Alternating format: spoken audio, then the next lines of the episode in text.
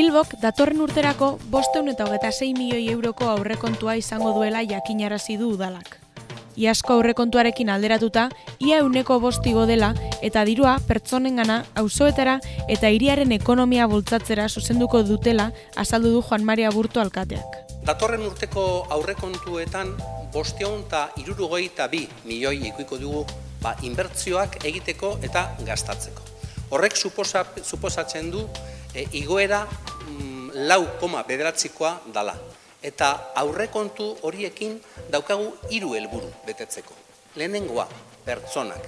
Eta pertsonen bizikalitatea eta ongizatea bultzatzea. Bigarren helburua, auzoak, irigintza, gizarte eta kultura garapena.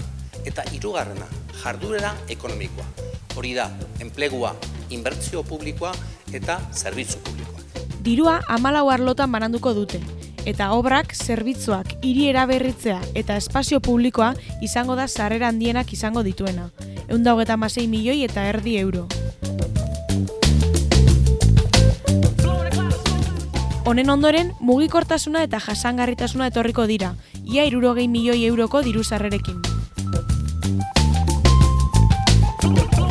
Kulturak eta Euskarak hogeta mairu milioi eta erdi eta ia zazpi milioi eta erdiko sarrerak izango dituzte, urrenez urren.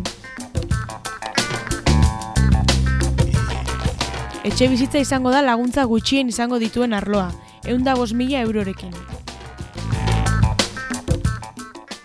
Diru sarreri dagokionez, udalkutxa funtza izan da sarrera handienak ekarri dituena, aurrekontu osoaren euneko irurogeia. Gainontzeko euneko hogeta marra, udal lokalen salmenten eta bestelako diru sarreren bitartez lortu dute.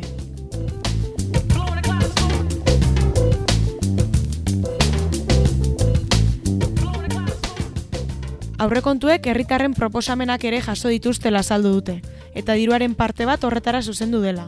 Irureon berrogeita zei proposan, proposamen, e, proposamenak, e, partizipazio bitartez egindako proposamenak, horietako amaika e, hautatu ditugu eta bi milioi erabiliko ditugu ba, proposamen e, horiei erantzuna, e, behar den erantzuna emateko.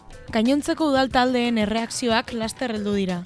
EH Bilduk aurrekontua epe laburrekoa dela eta bilbotarren eskakizunei ez diela erantzuten salatu du.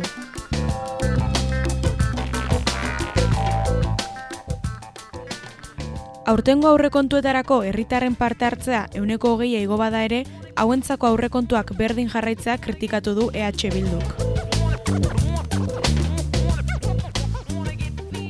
Azkenik, parte hartzeak erreala izan beharko lukeela eta egiten diren proiektuek herritarren esku egon beharko luketela adierazi dute.